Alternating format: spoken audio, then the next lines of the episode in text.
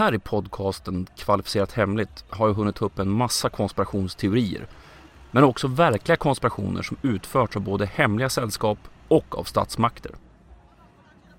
Nu har turen kommit till att ta tag i förvisso verkliga konspirationer, men inom den religiösa sfären.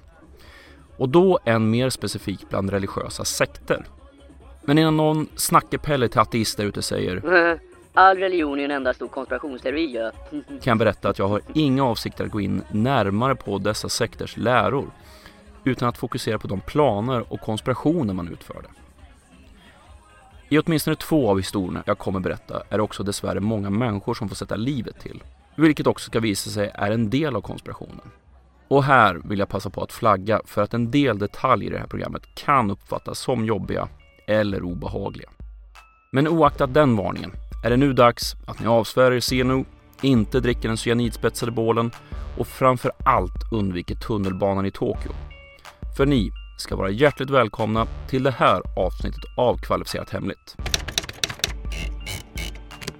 Denna gång om scientologernas underrättelsetjänst, närgasattacken i Tokyos tunnelbana utfört av den japanska sekten Aum Shinrikyo samt massjälvmordet och morden i Jonestown hos sekten People's Temple.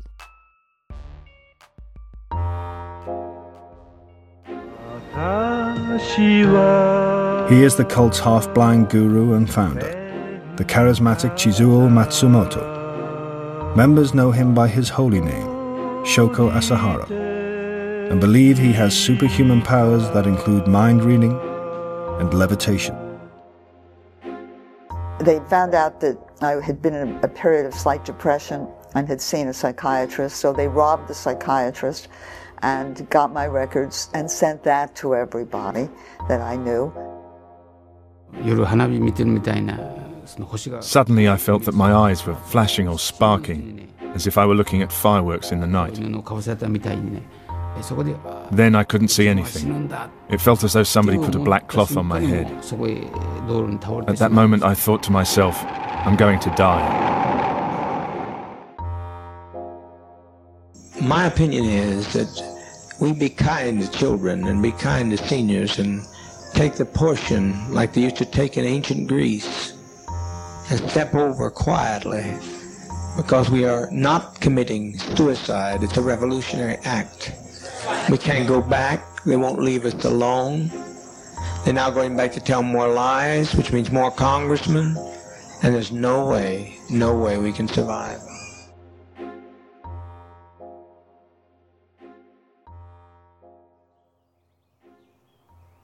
För oss svenskar tenderar scientologin vara den mest välkända formen av sekt.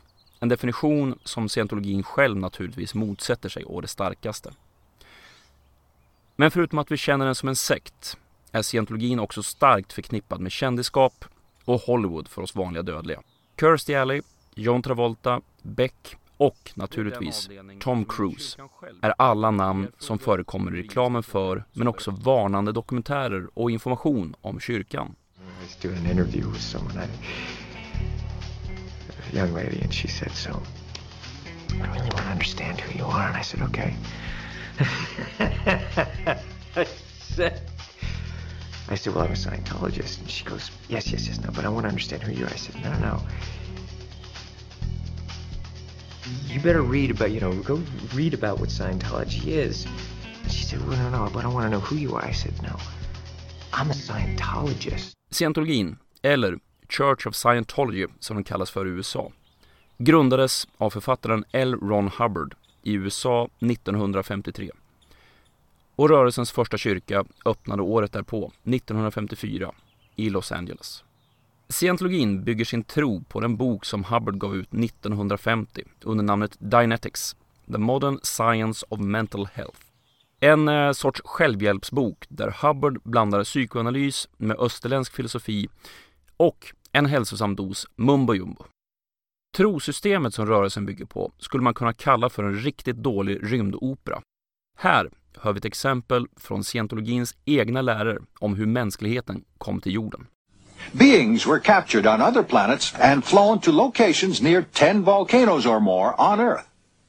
H bombs were dropped on the volcanoes destroying the bodies of the beings who, as Thetans, attached themselves to one another as clusters.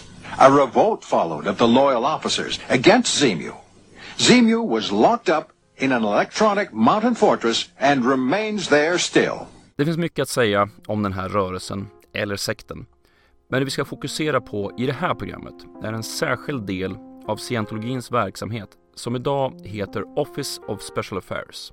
Det är den avdelning som enligt kyrkan själv jobbar med PR-frågor och juridiska frågor som berör kyrkan. Men enligt avhoppare och kritiker har den här avdelningen ytterligare en viktig funktion. Att agera som kyrkans underrättelsetjänst för att övervaka dissidenter och externa personer som uppfattas som fiender. Kyrkan å sin sida hävdar att den typen av aktiviteter var en del av den gamla verksamheten och inget sånt sker idag. Och givet kyrkans och verksamhetens hemlighetsmakeri och tystnadskultur är det faktiskt svårt att bedöma i dagsläget sanningshalten i det man påstår. Däremot kan vi backa i tiden och titta på det vi vet avdelningen gjorde på 60 och 70-talet. För det var 1966 som Guardians Office, som avdelningen hette då, startades upp under Mary Sue Hubbard, alltså L. Ron Hubbards fru. Målet för avdelningen var att skydda kyrkans intressen, hålla koll på interna dissidenter samt samla information om individer och organisationer som sågs som kyrkans fiender. Men det var inte bara passiva aktiviteter som man ägnade sig åt. Under den här avdelningens existens satte man ett stort antal offensiva operationer i verket. Både småskaliga och stora operationer med stor räckvidd. Så, låt oss börja med två av de mindre operationerna. Operation Daniel och Operation Dynamite som riktades mot författaren Paulette Cooper. 1971 gav Cooper ut boken The Scandal of Scientology och som titeln antyder var den extremt kritisk mot kyrkan och dess förehavanden. Utåt sett var kyrkan upprörd och stämde författaren för förtal. Men bakom kulisserna fick nu anställda vid underrättelseavdelningen i uppgift att samla in information om Paulette Cooper. Det som kom att kallas för Operation Daniel. Ansvarig för operationen, Terry Milner, beordrar sina anställda att gräva upp så mycket smuts som möjligt, gärna om Coopers sexliv, för att kunna angripa henne från så många håll som möjligt. Attackerna, ja, de började småskaligt, men nog så obehagligt. Coopers namn och telefonnummer skrevs på väggar i stans mindre trevliga delar, vilket gjorde att hon fick motta en mängd obscena telefonsamtal.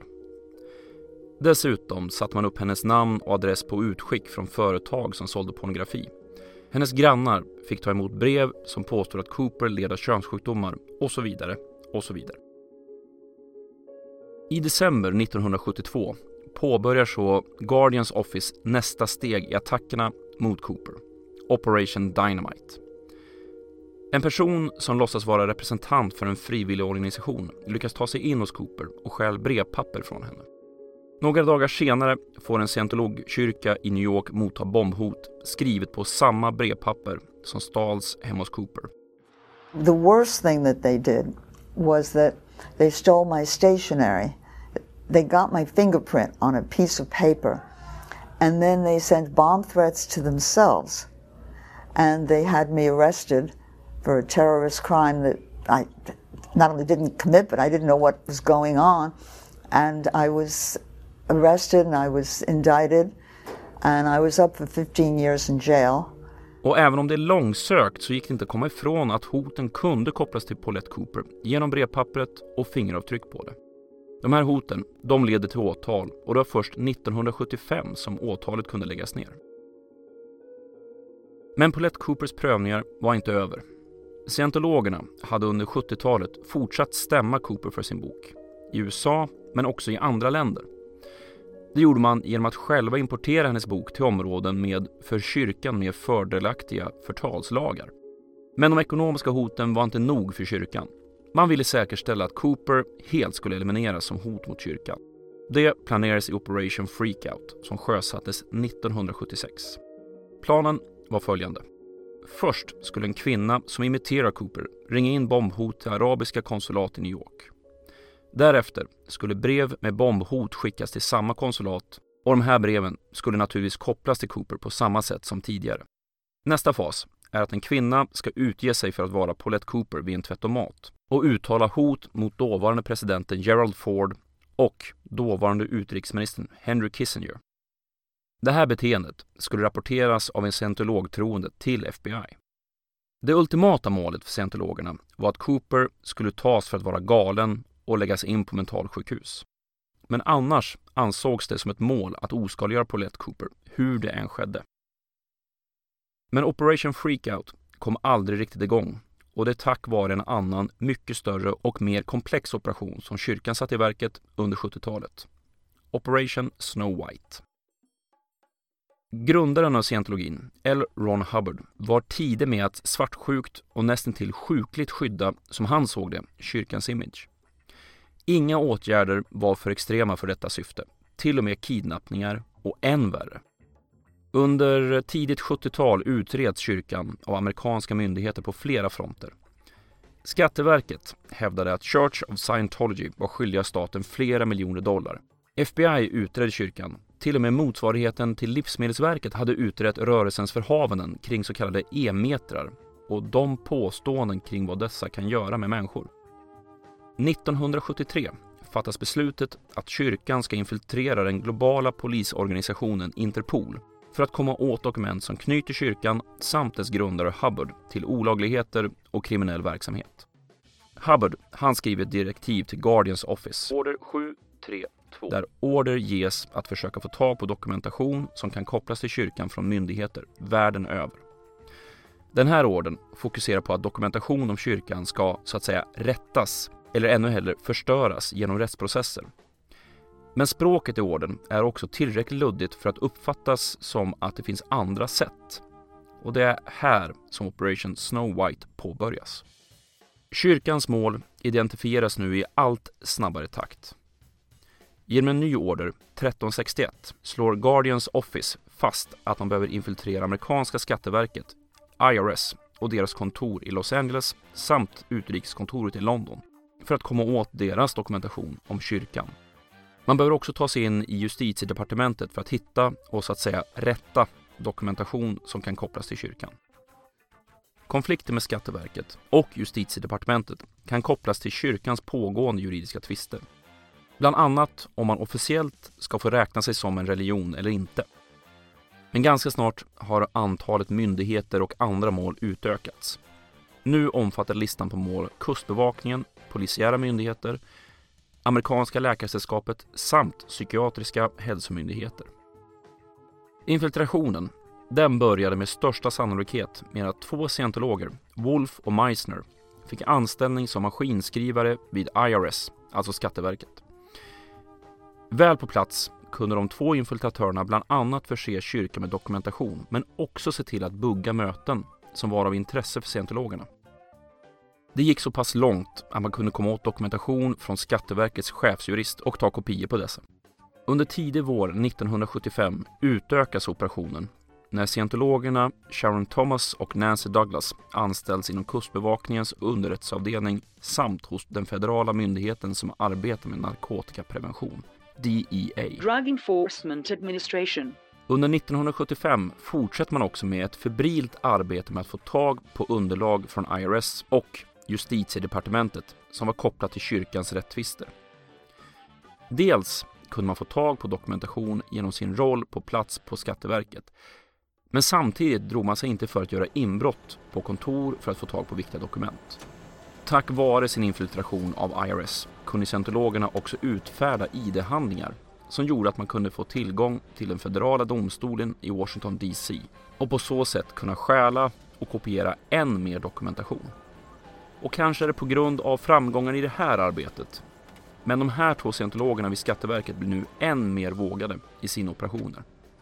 Till exempel lyckas man stjäla nycklarna till det kontor som tillhör distriktsåklagaren i Washington DC, kopiera nycklarna och under ett antal veckor under våren 1976 tar man sig in i kontoret och kopierar stora mängder information som sedan förmedlas till Guardians Office. Men till slut kommer verkligheten i fatt infiltratörerna vid IRS. De hade blivit så fräcka och oförsiktiga att deras aktiviteter hade noterats av en kvällsbibliotekarie i anslutning till distriktsåklagarens kontor. Och slutligen, under sommaren 1976 grips en av infiltratörerna, Wolf, och en häktningsorder utfärdas för Meissner som hålls gömd av scientologerna under hösten 1976 och våren 1977. Men det här hemlighetsmakeriet tär på krafterna och till slut orkar Meissner inte med katt och råtta-leken utan lämnar över sig till FBI under juni 1977. Väl i deras förvar går Meissner med på att berätta vad han vet i utbyte mot straffeftergifter. Det här, det är pusselbiten som FBI behöver och 8 juli knackar man på dörren hos scientologerna i Los Angeles, Hollywood och Washington för husrannsakan. Totalt i den här operationen deltar 156 agenter i en räd som pågår under 21 timmar. Direkt efter räden slår kyrkan tillbaka genom sina advokater. 20 juli kommer ett domstolsbeslut där domaren slår fast att den dokumentation som FBI beslagtagit ska temporärt återbördas till kyrkan igen. Dessutom får FBI inte dela informationen man hittat med andra myndigheter, med undantag för de myndigheter som redan utreder scientologerna. Och 27 juli kommer nästa bakslag. En domare konstaterar att den husrannsakan som FBI fått var för omfattande och att den kränkte kyrkans rättigheter. Men det här beslutet, ja, det kom att hävas i augusti. Det som framkommer efter FBIs räd och påföljande undersökning är att kyrkan har haft infiltratörer på plats i totalt 30 länder. Förutom Skatteverket och Justitiedepartementet hittar FBI information om försöken att smutsa ner författaren Paulette Cooper. En operation där en borgmästare i Florida skulle utsättas för ett påstått smitningsförsök i en bilolycka. Samt infiltrationsförsök mot två brittiska vårdorganisationer som kyrkan ansåg för ett krig mot scientologin. Ett år senare, i augusti 1978, åtalas 11 högt uppsatta medlemmar, inklusive Hubbards fru. I slutänden fälls de alla för de brott de åtalas för. Men straffen blir inte särskilt omfattande och kyrkan som sådan kommer faktiskt undan straff. Men Operation Snow White var som sagt inte den enda operationen mot kyrkans så kallade fiender. Men däremot var den den mest omfattande. Exemplen är många där en specifik fiende pekats ut antingen för att denne varit i vägen för kyrkans förehavanden eller helt enkelt för att personen varit misshaglig. Exakt hur många operationer som Guardians Office ligger bakom går i dagsläget inte att säga.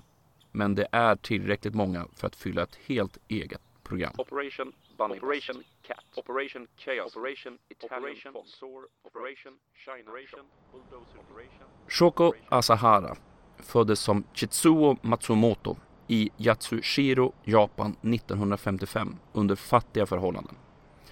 Han eh, drabbades av en ögonsjukdom i unga år som gjorde honom helt blind på vänster öga och med kraftigt nedsatt syn på höger öga. Vilket gjorde att han under sin skoltid fick gå i en skola för blinda. Efter skolgången sökte sig Matsumoto till det alternativmedicinska området och började praktisera bland annat akupunktur. I samma veva började han intressera sig för olika former av religion, buddhism, taoism, kristendom och yoga. 1984 bildar Matsumoto så Aum Shinrikyo i Tokyo som till en början bara är en yoga och meditationsgrupp. Matsumoto själv, ja, han byter namn till Shoko Asahara 1987 och 1989 erkänns Aum Shinrikyo som en riktig religion av den japanska staten. Aum växer och ledaren Asahara får ökad respekt genom att delta i tv-program och intervjuer i tidningar över hela Japan. Och i rekryteringsmaterialet man tar fram återfinns till och med en animerad serie om sekten, komplett med ett superpeppigt intro.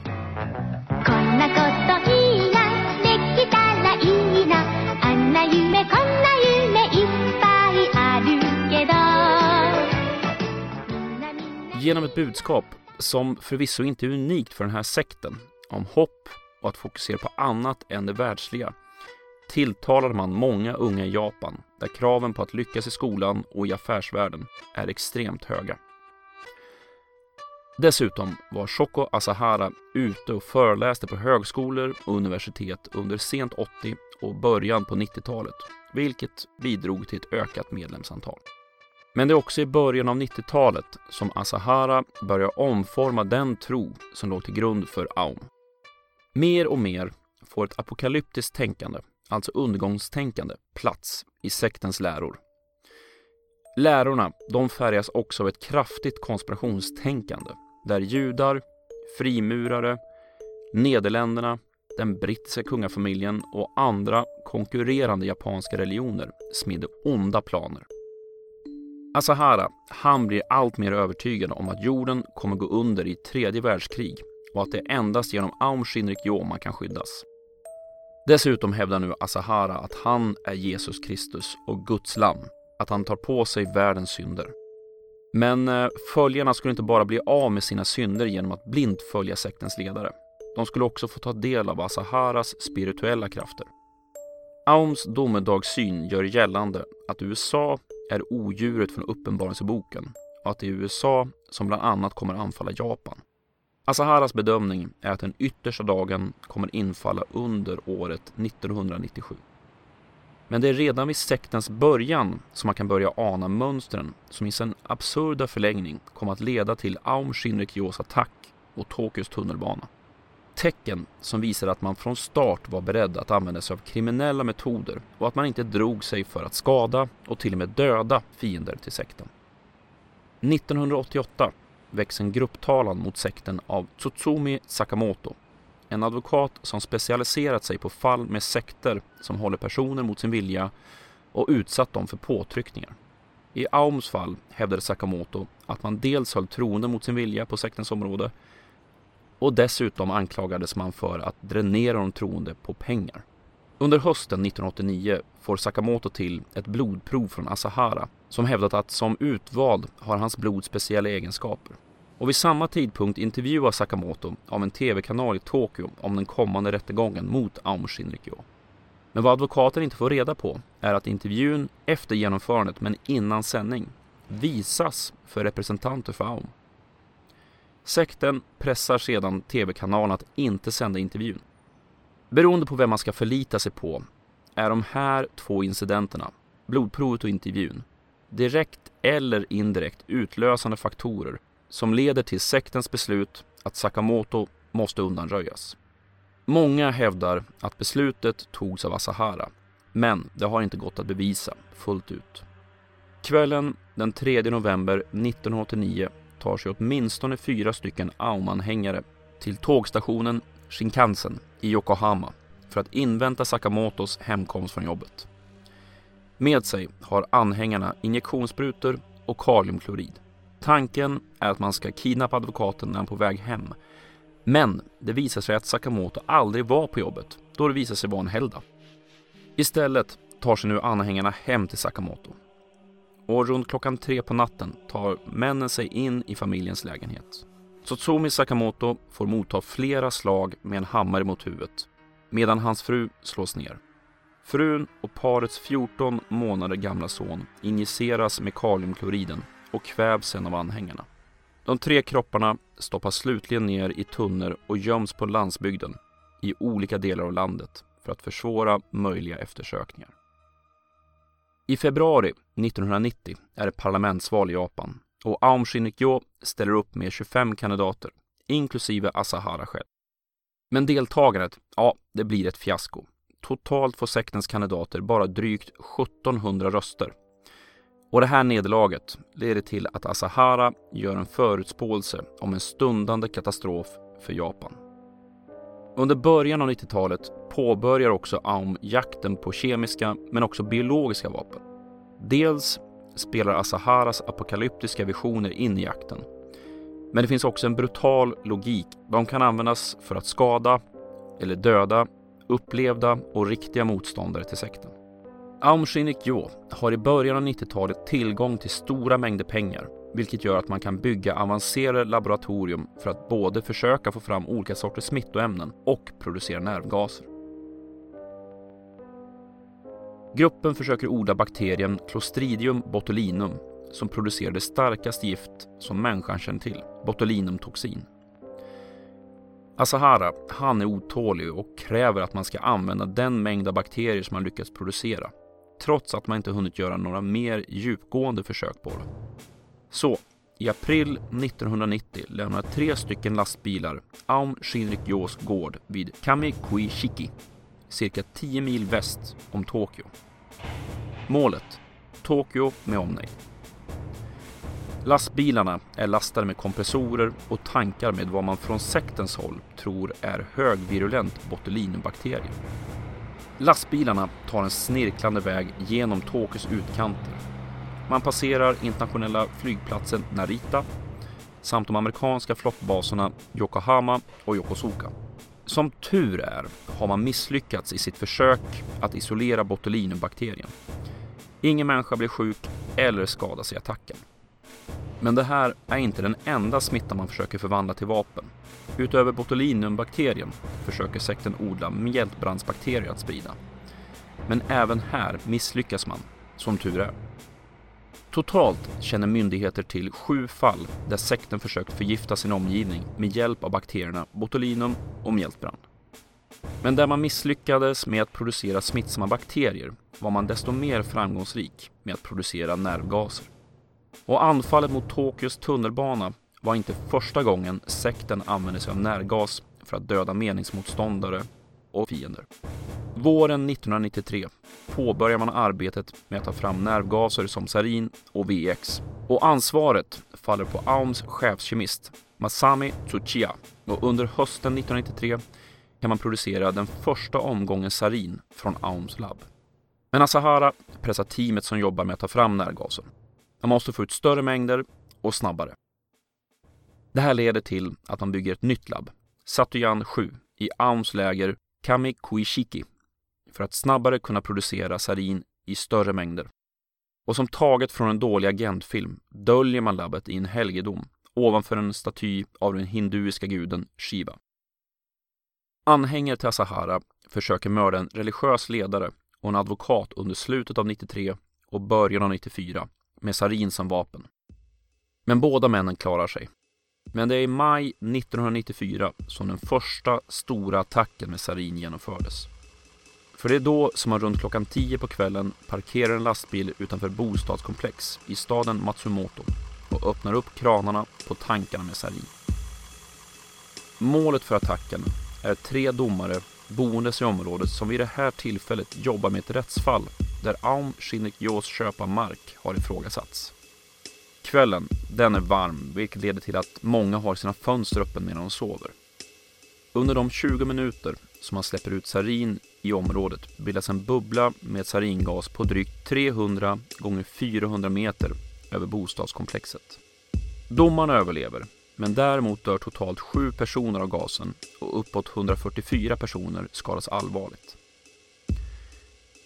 Polisen och brandkåren inser snabbt att det handlar om någon form av giftgas, men det dröjer innan man drar slutsatsen att det var en medveten attack med just nervgas och i utredningsskedet faller inte misstanken på Aum. Hösten 1994 tar polisen jordprover utanför Aums läger i Kamukuishiki på grund av att boende i närheten klagat på lukten från lägret. Dessutom har polisen mottagit anonyma tips som pekat ut sekten som ansvarig för attacken i Matsumoto. Polisens prov visar spår av sarin, men polisen bedömer att man behöver än mer bevisning för att kunna göra ett tillslag mot Aum Shinrikyo. Tidigt under 1995 får så polisen de bevis man behöver för att kunna slå till. Men eftersom man vet att det åtminstone tidigare pågått tillverkning av sarin på området bestämmer man sig för att polis som deltar i tillslaget behöver dels skyddsutrustning och dels utbildning. Ledningen för Aum blir förvarnade den 18 mars om att polisen planerar ett tillslag den 22 mars, vilket gör att Asahara kallar snabbt till ett möte den 18 mars. Planen är att iscensätta en attack för att på så sätt avvärja polisens insats mot sekten. Och bästa sättet att göra det på, enligt Asahara, är att sprida nervgas på ett antal tunnelbanetåg som alla skulle stanna vid stationen Kasumi Gaseki. Stationen var viktig då den låg lite drygt 400 meter från Tokyo-polisens högkvarter. Timingen för attacken bestämdes till klockan 8 på morgonen då den tidpunkten innebar rusningstrafik men också då många poliser färdades på tunnelbanan inför skiftbytet vid halv nio. Man väljer ut fem tvåmannateam som ska utföra attacken varje team består av en person som ska placera ut sarinfyllda påsar i tunnelbanevagnen samt en förare som plockar upp sin kamrat efter att denna har utfört sitt uppdrag på tunnelbanan. De här teamen åker in till Tokyo på kvällen den 19 mars för att inspektera sina tåglinjer, hur tågen åker och hur länge dörrarna är öppna på de aktuella tågen de ska åka med. Samtidigt, i Aum Shinrikyos läger, preparerar man tunna plastpåsar med sarin för teamen att plocka upp. Planen är enkel. Plastpåsarna placeras på golvet, en Aum-anhängare punkterar påsarna med spetsen på ett paraply och kliver sedan av i nästa station. Teamet, de åker från Tokyo för att hämta upp påsarna med sarin och återvänder sedan tillbaka till Tokyo framåt sextiden på morgonen den 20 mars. Morgonen gryr över Tokyo och fem män släpps av vid fem olika tunnelbanestationer. Alla med den gemensamma stationen Kazumi Gaseki som destination. De fem Aum-terroristerna Masato Yokoyama, Toro Toyota, Ikuo Hayashi, Kinichi Hirose och Yasu Hayashi kliver ombord på linjerna Hibiya, Marunouchi och Chioda med start vid sjutiden på morgonen. Den överenskomna tiden man har är att släppa lös saringasen strax innan klockan åtta.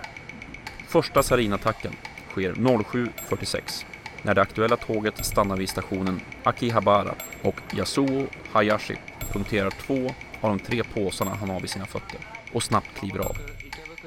Två minuter senare sticker Ikuyo Hayashi sitt paraply i sarinpåsarna som står på golvet och går av tåget vid Shin och Chanomizu.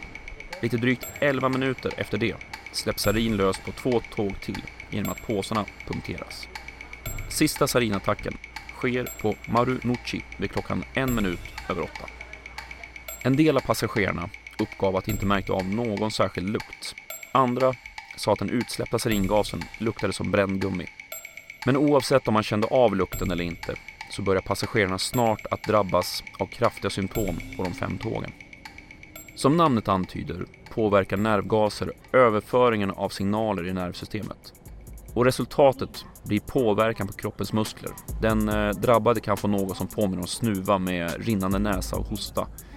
Han eller hon kan kräkas, de kan få påverkan på synen, tugga fradga och svårigheter att andas. En del av passagerarna på tågen svimmar snart efter att påsarna punkteras. Och tunnelbanepersonalen får plötsligt ta hand om avsvimmade och livlösa passagerare vid stationerna som de tre linjerna stannar vid. 08.09 kommer första nödsamtalet till Tokyos brandkår. Till en början vet inte den utryckande personalen om att det handlar om en terrorattack med gas.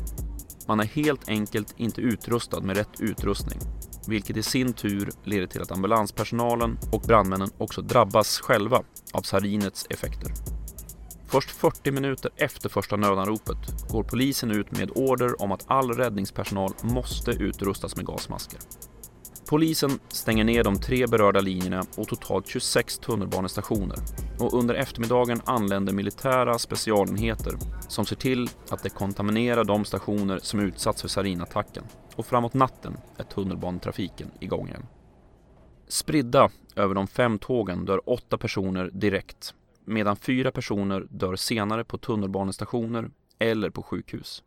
Lite drygt 40 personer bedöms vara svårt skadade medan strax under tusen drabbas av mildare symptom. Men vad som försvårar insatsen är att när nyheten sprids om gasattacken är det många Tokyobor som upplever sig vara drabbade, men utan att ha bevisligen utsatts för någon saringas. När man senare gör en utvärdering kan man konstatera att drygt 85 procent av de som sökte vård inte hade utsatts för någon nervgas, vilket naturligtvis ytterligare försvårade hjälpinsatsen. Om målet med attacken var att få polisen att inte fokusera på Aum Shinrikyo misslyckades man kapitalt. För 22 mars tar sig över 2500 poliser och militärer in i sektens läger Kamikuishiki och över 20 andra av sektens läger och lokaler och arresterar ett stort antal anhängare. Men högsta ledarskapet, inklusive Asahara, håller sig gömda och det är först 16 maj som Asahara kan gripas. Totalt grips över 200 anhängare till Aum Shinrikyo i operationen. De påföljande rättegångarna kallas för århundradets rättsfall i Japan och röner stort intresse. Asahara och 12 av hans högsta anhängare döms slutligen till döden medan andra aktiva deltagare döms till långa fängelsestraff. Idag är Aum Shinrikyo splittrat mellan två fraktioner, Alef och Hikari Noa. Men trots namnbyte och splittring betraktas dessa rörelser med extrem misstänksamhet av det japanska samhället. Asahara och övriga dödsdömda Aum-anhängare väntar just nu på vad som ska ske med deras fall.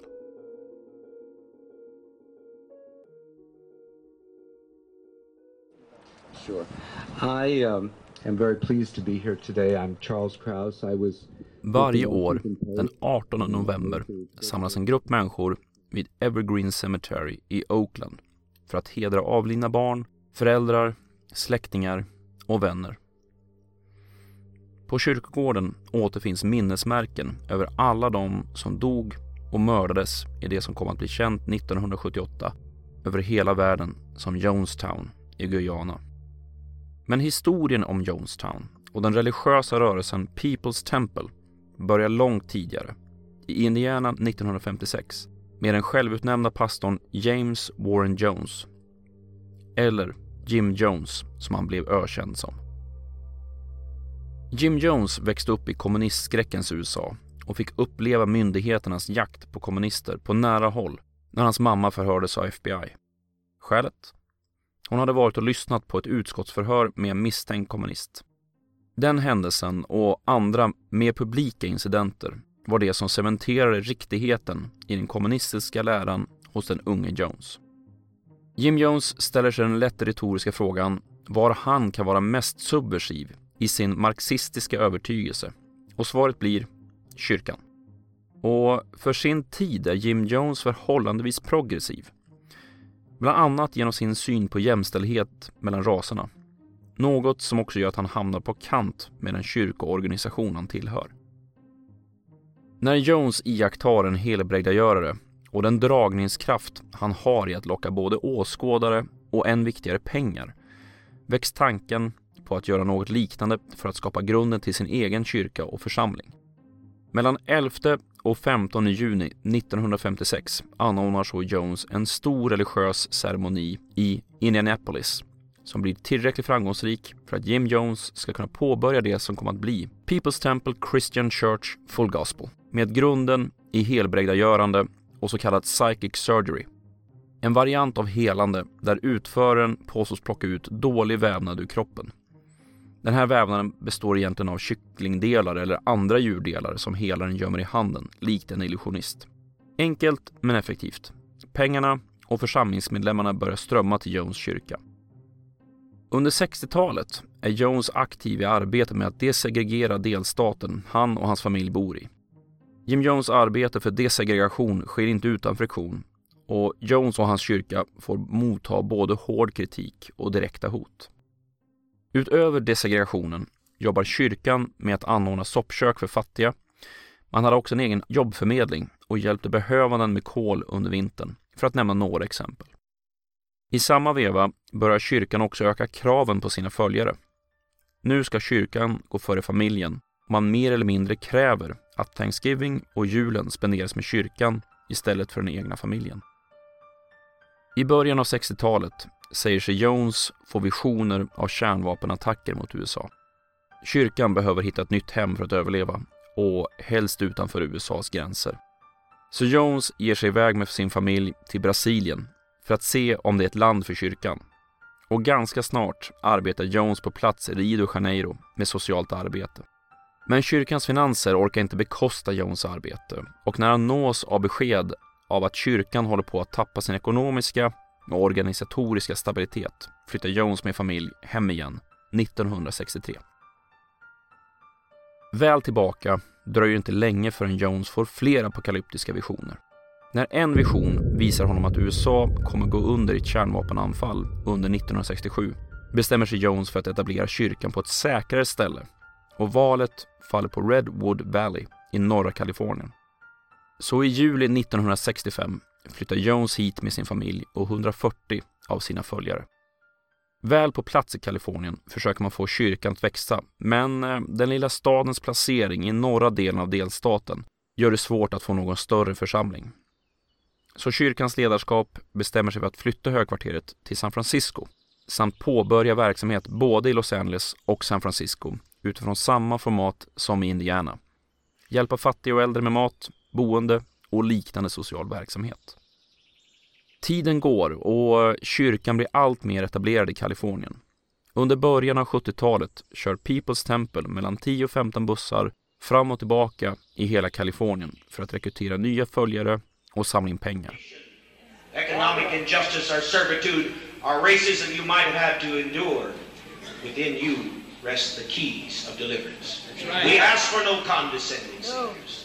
We want no help from some judgment hall. That has been pawned off on us too long.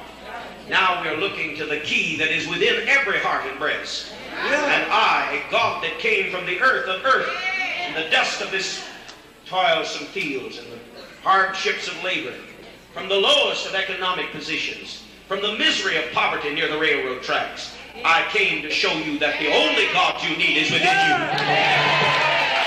None other. That's my only purpose. Dessutom används bussarna för att åka till bland annat Washington DC för att både rekrytera på östra sidan av USA men också synliggöra kyrkan för politiker i USA. Allt eftersom kyrkan växer så stärker också Jones ledarskiktet och utökar församlingens hierarkiska nivåer. Toppskiktet består nu av Jones och en samling på mellan 8 till 10 collegeutbildade kvinnor som är starkt lojala till Jones och People's Temples mål.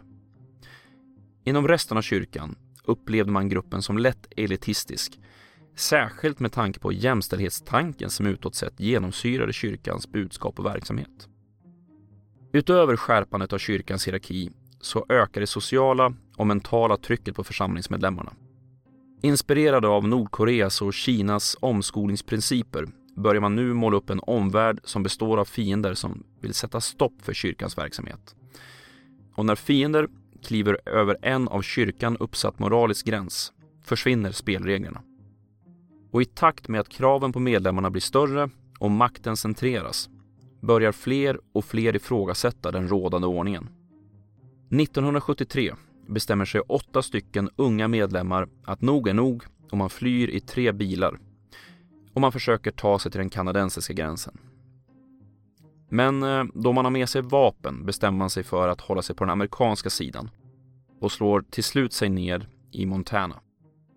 När Jones får reda på deserteringen vill han först och främst hitta de som flytt. Men han säger också att kyrkans församling borde begå självmord då den här typen av socialistiskt inriktad församling inte kan få existera i samhället utan trakasserier. Det här är inte enda gången som massjälvmord nämns från Jones sida. Trots den här typen av utbrott och ökande krav på medlemmarna är Jones och People's Temple framgångsrika i att få politisk uppmärksamhet för sitt arbete, framförallt i San Francisco. Man är engagerad i lokalvalen och vinner stöd från prominenta lokalpolitiker, men också från politiker som presidentkandidaten Walter Mondale och presidentfrun Rosalind Carter. Men framgångarna och uppmärksamheten leder också till att media alltmer börjar intressera sig för vad People's Temple håller på med. Första större granskningen kommer 1972 när San Francisco Examiner började publicera en granskande artikelserie om kyrkan. Men eh, tack vare intensiv uppvaktning och eh, mer eller mindre trakasserande lyckas People's Temple stoppa publiceringen innan hela serien har tryckts i tidningen. Men det är nästa granskning i media under sommaren 1977 som sätter stenen i rullning. En sten som börjar i San Francisco och som slutar i den sydamerikanska staten Guyana. För det är när en reporter vid namn Marshall Kilduff förbereder en artikel om kyrkans förehavanden som han återigen försöker stoppa publiceringen. Men trots många inflytelserika namn som hör av sig till tidningen New West Magazine så kan man inte hindra artikeln. Och när Jim Jones blir uppringd av Kilduff beslutar han sig för att ta nästa steg i People's Temples utveckling. Eller, som man också skulle kunna kalla det, flyfältet. Your life was really not your own uh, in many, many ways. That broke up families, all your money got turned over. Uh, if you're a woman, you were at special disadvantage, put it del- delicately. Uh, there was a lot going on, faith healing to win over folks. As this came out, the church basically ran away. They went to Guyana because för redan när Jones besökte Brasilien 1962 så hade han ögonen på ytterligare ett land i Sydamerika, Guyana. Guyana är ett litet land, fattigt och med en statsmakt som då var lite mer samarbetsvillig än många större länder.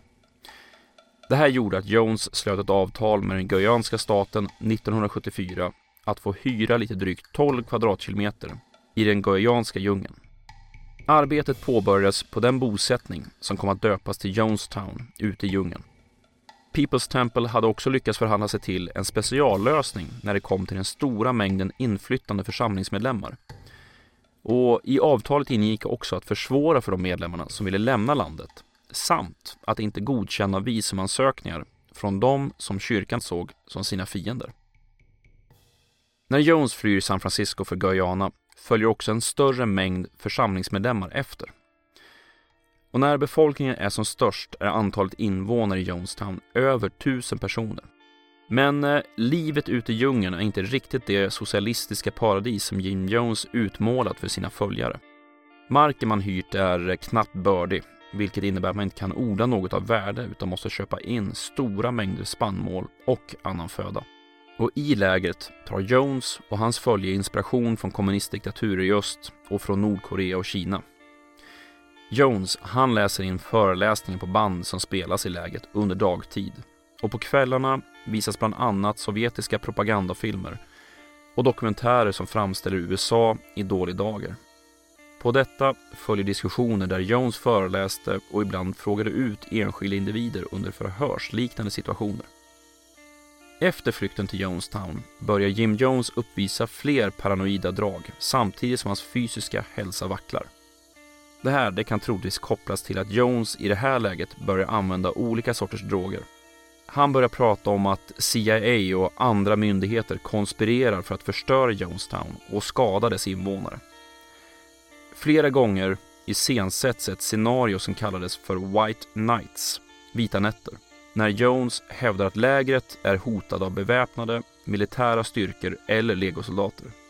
I de här lägena får de boende rösta på fyra alternativ.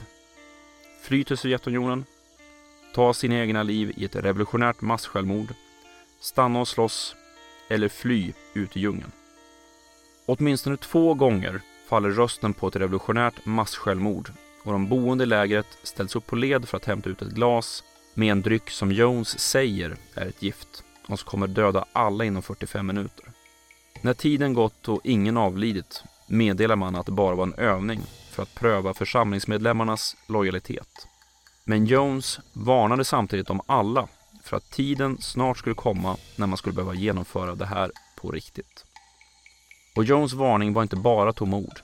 Allt sedan 1976 har lägret mottagit en månatlig leverans av dryga halvkilot cyanid då Jones ansökt om och fått en juvelerarlicens. För i juvelerarbranschen används cyanid för att rengöra guld men i Jonestown pågick ingen sån verksamhet överhuvudtaget. 17 november 1978 anländer kongressledamoten Leo Ryan till det avlägsna flygfältet Port Kaituma en bit från Jonestown ute i djungeln. Ryan, som är från San Francisco-området, har fått motta ett antal rapporter om missförhållanden inom People's Temple, komplett med rapporter om försvinnanden och kidnappningar. Från att till en början varit en helt politisk affär växer resan till att inkludera både oroliga släktingar till församlingsmedlemmar och media.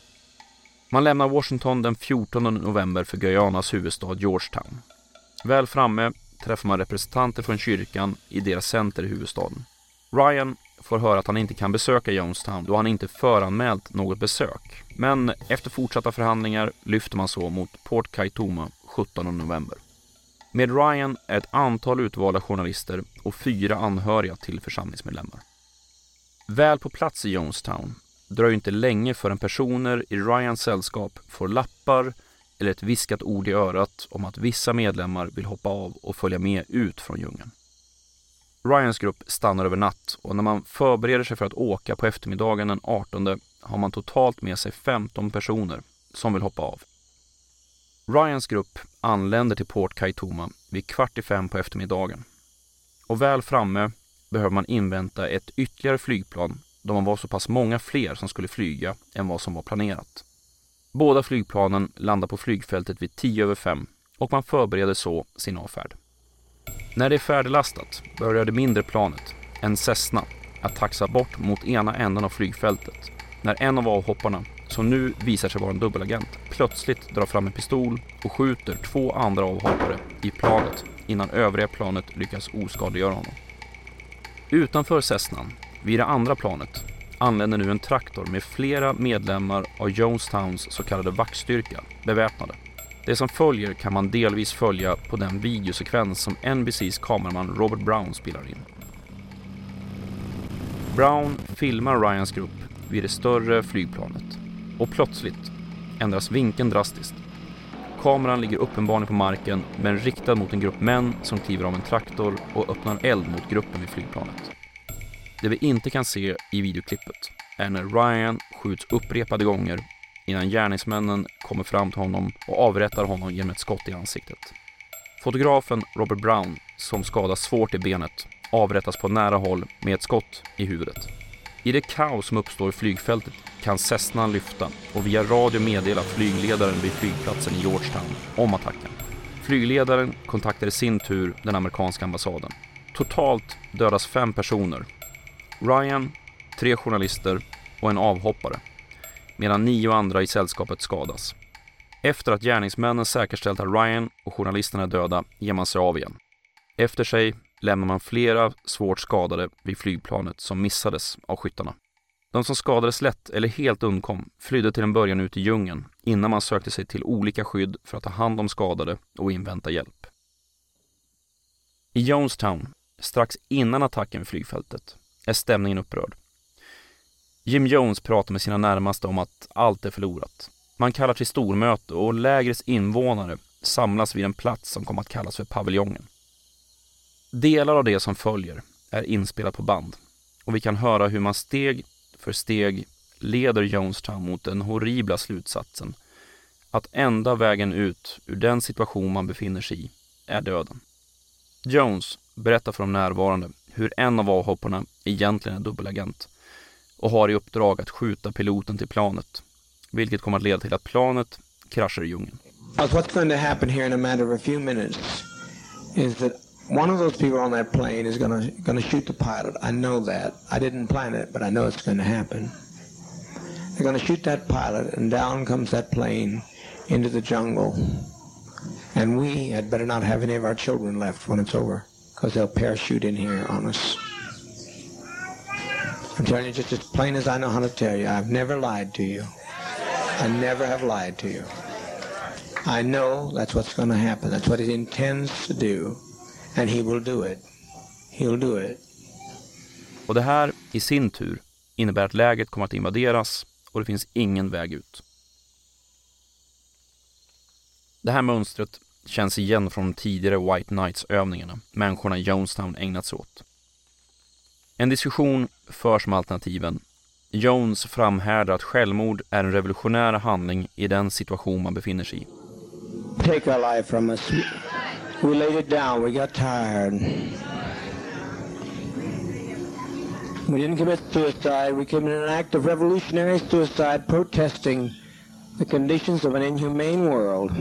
På bandet hör vi en kvinna som opponerar sig, men låter sig till slut bli övertalad. I bakgrunden hörs gråtande barn, vilket gör Jones budskap nästan outhärdligt. Få slut på gråten. Gläds istället. Det här är något att glädjas åt. Mother, please, please, please, don't, don't do this, don't do this. Lay down your life with your child, but don't do this. Now stop this nonsense. Don't carry this on anymore. You're exciting your children. All over, and it's good. No, no sorrow that it's all over. I'm glad it's over. Hurry, hurry my children, hurry. Under tiden som Jones pratar och föreläser så har medhjälparna förberett en bål på drycken Flavorade, spetsad med bland annat cyanid. Och slutligen börjar lägrets invånare ta giftet och man börjar med de minsta barnen. Huruvida alla tar bålen frivilligt är svårt att svara på, men bara det faktum att man hade beväpnade vakter på plats och att närvaron för de boenden var obligatorisk talar sitt tydliga språk. Några få medlemmar lyckas undkomma massmordet och självmordet, men de är få. Men tyvärr är lidandet och förlusten av människoliv inte slut här. För Jones hade en sista plan för hur hans hämnd skulle slå mot rörelsens fiender. Inne i huvudstaden Georgetown har People's Temple ett hus som användes som högkvarter. I huset bor församlingsmedlemmen Sharon Amos med sina tre barn. Leanne, 21 år gammal, Krista, 11 år gammal och Martin, 10 år gammal. Utöver familjen Amos finns också Chuck Bakeman i huset som allmän medhjälpare. Sharon mottar ett radiomeddelande från Jonestown på kvällen. Budskapet är att hämnas på rörelsens fiender och sen genomföra ett revolutionärt självmord.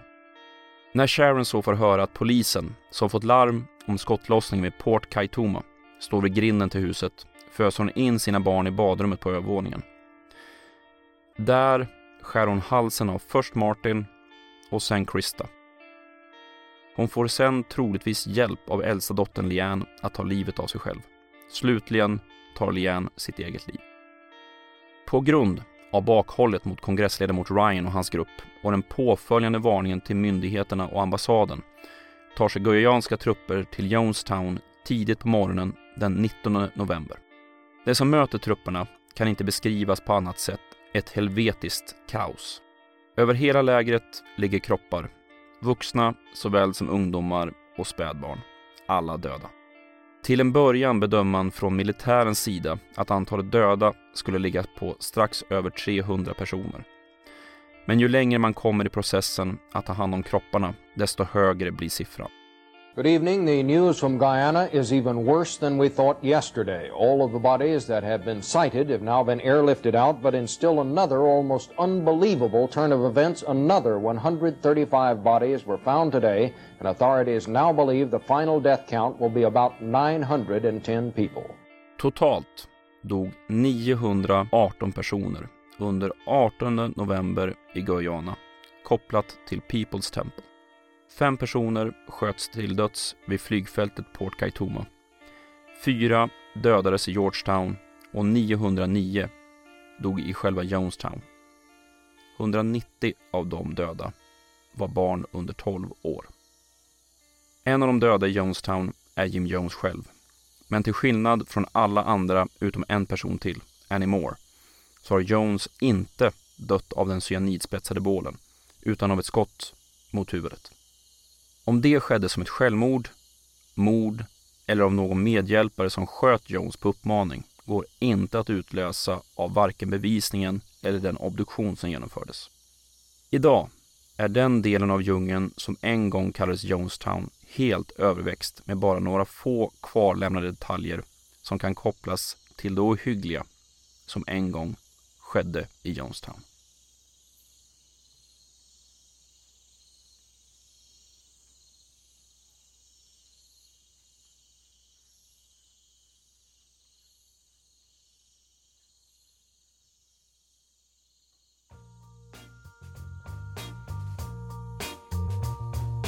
Du har lyssnat på Kvalificerat Hemligt, en poddradio om konspirationsteorier och vetenskap. Länkar till musiken, videoklipp och annat som nämns i programmet återfinns på programmets hemsida, khpodden.se. Jag heter C. Åkerberg och tack för att du har lyssnat.